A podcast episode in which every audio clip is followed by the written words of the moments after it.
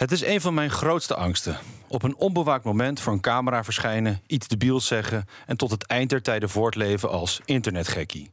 Want in tegenstelling tot onze vertrekkende premier heeft het internet wel actieve herinneringen.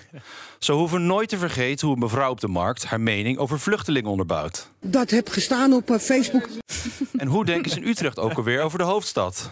030 hè? Beter als 020. En de afkortingen van politieke partijen, die zijn ook niet makkelijk. Partij van de, de armoed. A voor armoed, maar ik bedoel de eh, partij van nog wat. Nee, ik weet wel, CDA is ChristenUnie. Nee, dat klopt natuurlijk niet. Maar in hoeverre klopt dat eigenlijk niet? Laten we kijken naar het Nationaal Kiezersonderzoek. Daaruit blijkt dat 57% van de mensen geen grote inhoudelijke verschillen kan aanwijzen tussen de traditionele middenpartijen. Ook zien ze geen duidelijk verschil tussen links en rechts. Voor meer dan de helft van ons land is alles, van de VVD tot aan GroenLinks, min of meer hetzelfde. De vraag is waarom? Deze week verschenen de eerste nieuwe verkiezingsprogramma's. Qua inhoudelijke beleidspunten lopen ze behoorlijk uiteen. Maar de vergezichten zijn verrassend hetzelfde.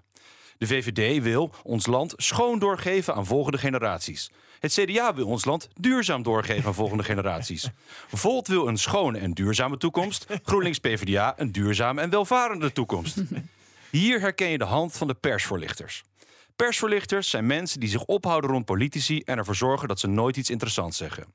Hun taal is grammaticaal correct, maar er mist iets. Het is als een maaltijd zonder kruiden, muziek zonder gevoel of trouwgeloftes die zijn geschreven door ChatGPT.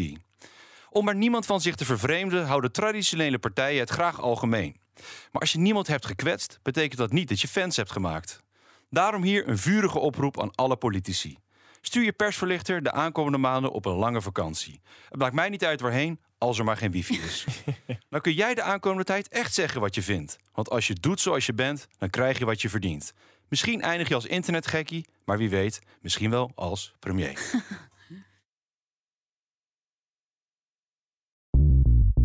Bij BNR ben je altijd als eerste op de hoogte van het laatste nieuws. Luister dagelijks live via internet. Jelle Maasbach. Wesley Weert. We zijn er voor je met het leukste, opvallendste, maar natuurlijk ook het belangrijkste nieuws. Tijdens de presentatie van die halfjaarcijfers toen die beurskoers in elkaar kukkelde. BNR Beurs. Voor de slimme belegger. Blijf scherp en mis niets.